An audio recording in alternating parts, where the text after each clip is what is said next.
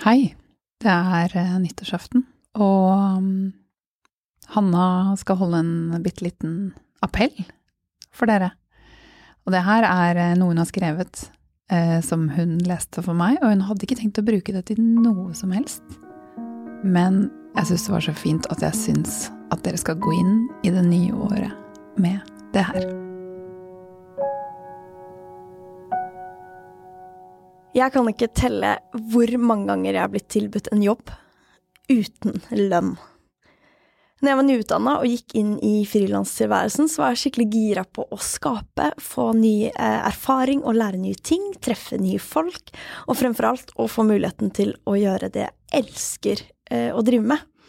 Og når du elsker å drive med noe, så trenger du ikke så mye penger, eller? Jeg ble en gang eh, tilbudt eh, å spille på en magasinlansering for ca. 200 folk. Etter hvert i dialogen med arrangør så kom det fram at det ikke var noe lønn eh, satt av til arbeidet. Men jeg takket ja selv om. Og en uke senere så ble jeg oppringt, og så fikk jeg vite at giggen den var avlyst fordi de mangla penger til lydteknikker. Altså, det blir litt som at borettslaget skal ha dugnad, og så får den som maler gjerdet betalt, eh, men den som steker vafler, den gjør det gratis.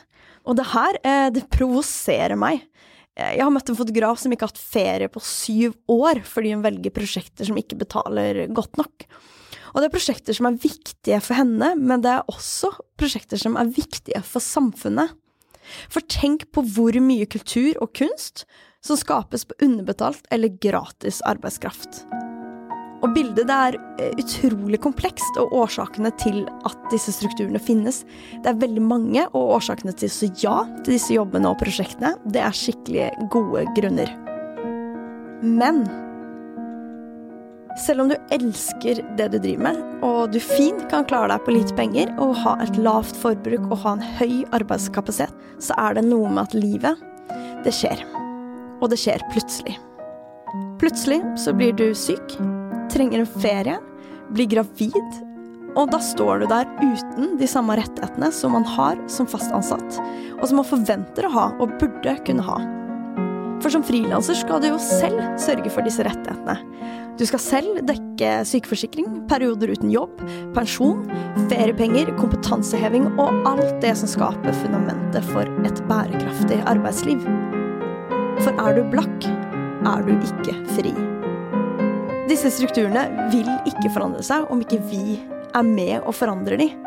Og selvfølgelig har samfunnet, arbeidsgivere, kunder en vesentlig rolle å spille ved å tilby ordentlig lønn. Men i de tilfellene det ikke skjer, så er det vi, frilansere, som må utdanne, opplyse og kreve bedre.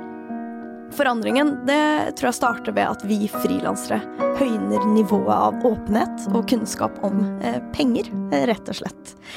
At vi snakker mye mer om hva det faktisk krever av inntekt for å sikre oss et arbeidsliv hvor vi ikke bare skal kunne overleve på lønna, vi skal kunne leve. Og ikke bare nå, men resten av livet.